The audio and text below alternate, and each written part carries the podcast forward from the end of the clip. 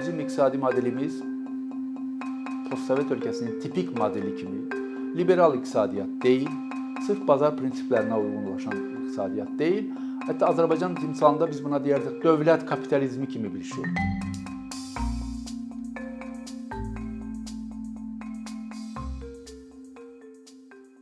Ötən ilin 50-ci illərindən başlayaraq dövlət ə, inkişaf etmiş ölkələrdə ə, çox böyük güclə sosial rifah məsələlərinə və sosial təminata güc verdi.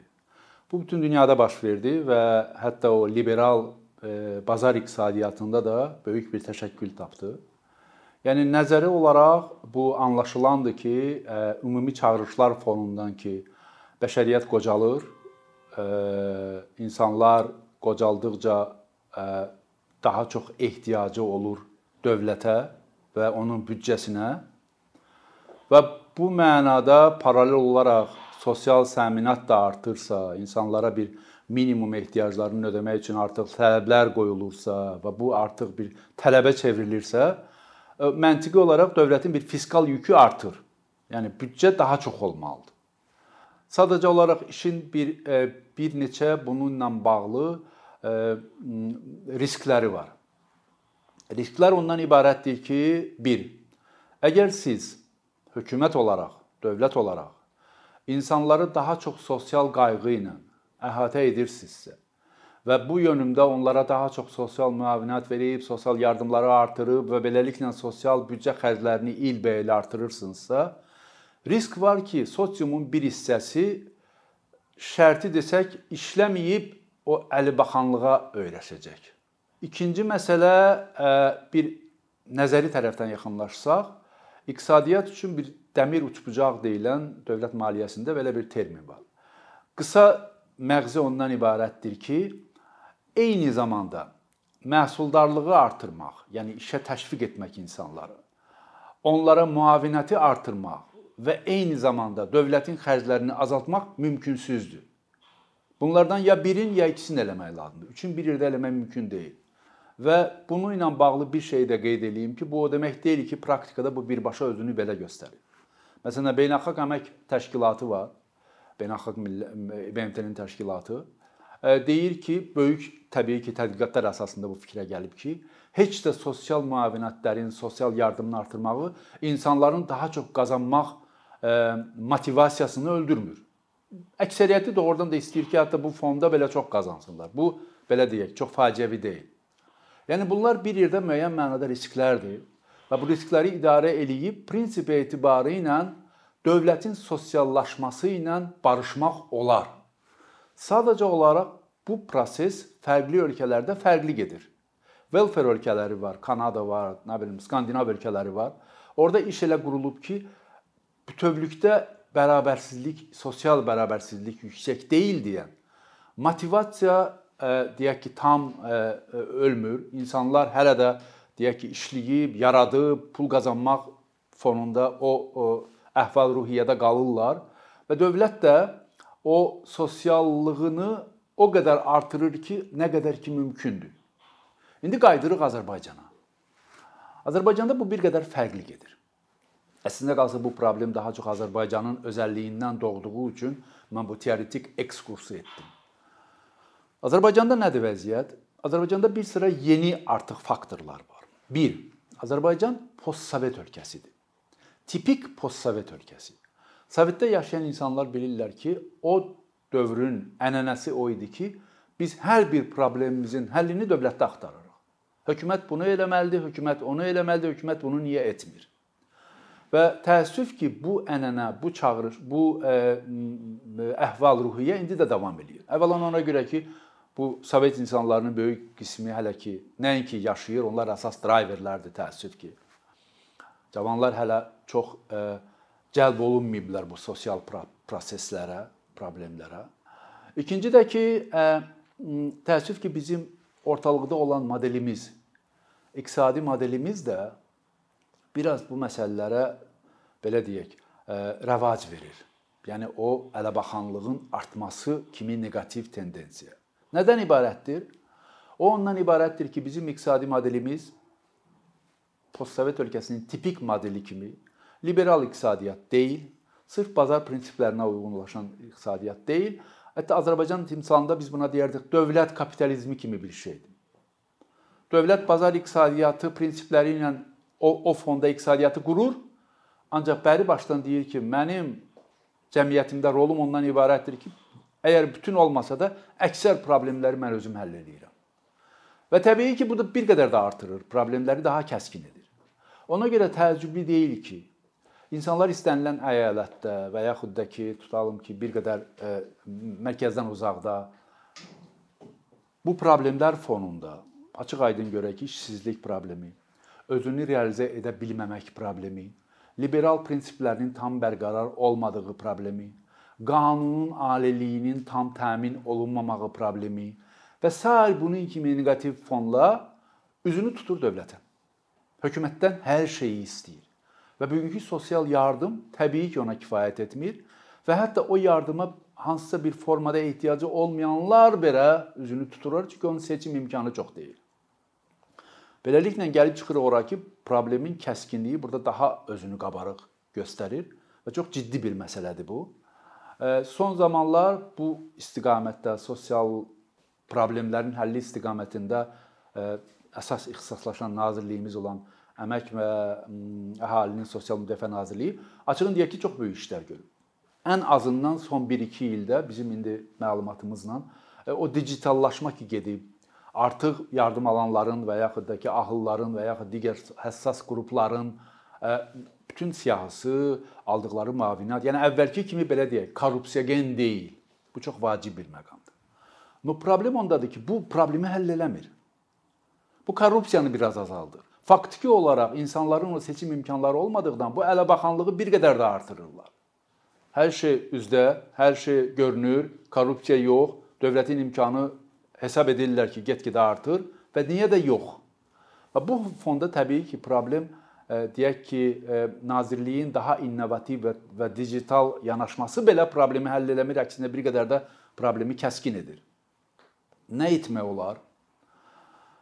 Ən azından 2 istiqamət var ki, bunun üzərində fikrimizcə hökumət ciddi işləməlidir ki, indi yox, yaxın gələcəkdə problemi nisbətən səngitsin. Əks halda doğrudan da elə bir marafon gedir ki, sadə hesablamalar göstərir ki, bu yüklə Azərbaycan büdcəsi 5-7 ildən sonra, ən deyək ki, yaxşı halda 8-10 ildən sonra faktiki olaraq bu sosial yükün altından çıxa bilməyəcək. Və yaxud da ki, onu keyfiyyətsiz həyata keçirəcək.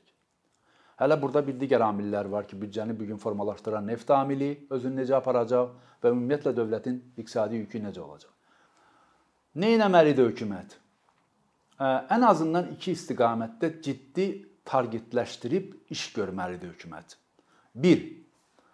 Bu artıq aydındır ki, bütövlükdə cəmiyyətin, iqtisadiyyatın, sosiumun bütün problemlərini hökumət həll edə bilməyəcək və yaxud həll edəsi deyil.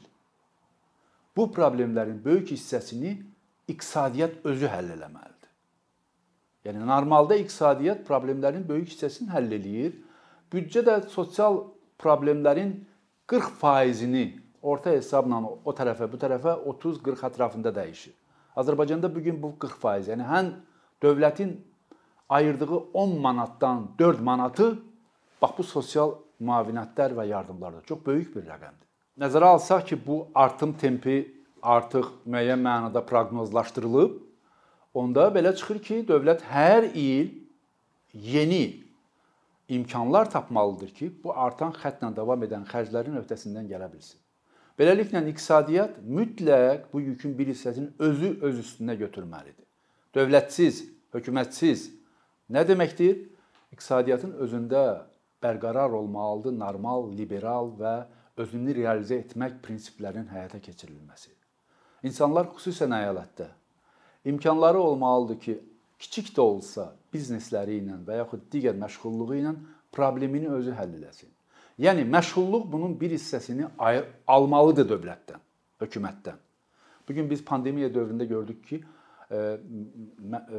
yardımların tempi necə artdı? Əvvəl planlaşdırılan bir rəqəm idi, sonra 3 dəfə artırıldı və məlum oldu ki, bunlar qeyri-formal, əslində qalsa məşğul olmayan insanlardır. Və bunların həlli iqtisadiyyatın üzərinə düşməlidir. Bunun üçün hökumət artıq bu gün üzdə olan o iqtisadi modeldən və o idarə etmədən tədricən ayrılmalıdır. Daha çox azadlıqlar, daha çox yerlərə imkanlar, daha çox mərkə qeyri-mərkəzləş, əks mərkəzləşmə və daha çox indi e, bu e, Qarabağ müharibəsinin e, uğurlu nəticəsindən sonra daha böyük imkanlar açılır. Böyük bir e, münbit deyək ki, şəraitdə bizim kənd təsərrüfatı və turizm və digər imkanlarımız açılır. Bunun özü ilə də bağlı digər problemlər varsa belə əlavə bir imkandır. Yəni bütün bunların fonunda dövlət çalışmalıdır ki, mümkün qədər özünü azad etsin bu problemlərdən. Bu isə bütövlükdə insanal idarə etmə model kimi yeni yanaşma tələb eləyir. Bu işin bir tərəfi. İkinci bir tərəfi ondan ibarətdir ki, biz indiyə qədər təəssüf ki, bu sosial xərcləri edəndə hökumət olaraq onun nəticəliliyini, nə qədər effektiv olmağını demək olar ki, hesablamamışıq. Məsələn, mən rast gəlməmişəm ki, hər hansı bir monitorinq yaxşı bir qiymətləndirmə göstərsin ki, bu gün verilən müavinətlərin nəticəliliyi nədir və yaxud verilmədikdə nə ola bilər? Və bu o deməkdir ki, əksər digər ölkələrdə, xüsusən də kasıb ölkələrdə bu baş verir. O baş verir ki, hökumət öz rolunu yalnız bu xərclərin ekstensiv olaraq artırmağında görür. Və öncə dediyimiz səbəbdən bu da limitsiz deyil. Yəni bir vaxt biz görəcəyik ki, doğrudan da hökumət istəsə belə bunu edə bilmir. Və belə olan halda qayıtmalıyıq əvvələ.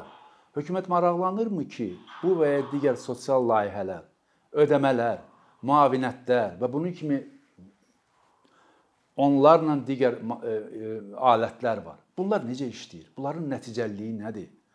Mən müavinət verirəm 190 manat indi tutalım. Bunun nəticəliliyi axırda nəyə gətirib çıxarır? Doğrudanmı insanlar müəyyən sosial problemlərini həll edib, motivasiyasını saxlayıb iş axtarırlar? Doğrudan da onlar e, bir qədər də olsa o yoxsulluq problemini həll edirlər, yaxud daha da yoxsullaşırlar. Bunun üçün xoşbəxtlikdən dünyada bu metodlar var. Məşhur tanınmış metod Azərbaycan dilində təsadüfi ə, sınaqlar metodu, ingilis dilində randomized control trials. Çox məşhur bir metoddur.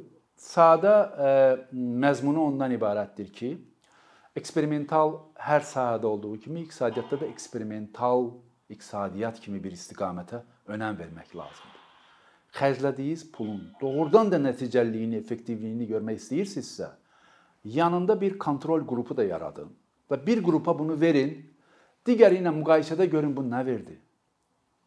Yəni bu bilirsiniz, biologiyada var, nə bilim, e, təbabətdə, səhiyyədə hər yerdə var.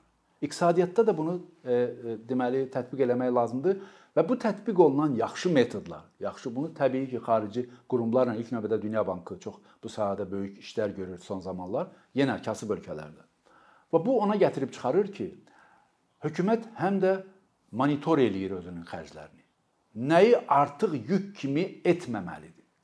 Beləliklə e, artıq aydındır ki, bugünkü sosial xərclər tempi çox davam edə bilməz və bunun üçün hökumət mütləq qaydada dediyimiz iki istiqamətdə iqtisadiyyatın özünün məşğulluq və digər e, deyək ki, bazar prinsipləri vasitəsilə liberallığın artırılması ilə sosial yükün bir tərəfini özünə çəkməlidir. Hökumət isə indiyə qədər müəyyən mənada ekstensiv halda ə, e, realizə etdiyi sosial xərcləri, sosial ödəmələri, sosiallaşmanı ə, e, artıq nəticəliliyini yoxlamaq üçün dediyimiz o metodlardan istifadə edib ballast xərclərdən xilas olmalıdır. Əkinçinin yeni videoları haqqında məlumatlı olmaq üçün kanalımıza abunə olmağı və xəbərdarlıq funksiyasını aktivləşdirməyi unutmayın. İmkandan istifadə edərək cari patronlarımıza işlərimizi davam etməyə yardım olduqları üçün dərin təşəkkürümüzü bildiririk. Əkinçinin Patreon icmasının üzvü olaraq siz bizim təşəbbüsə dəstək göstərməklə bərabər hazırladığımız materialları hər kəsdən öncə izləmə imkanı əldə edəcəksiniz.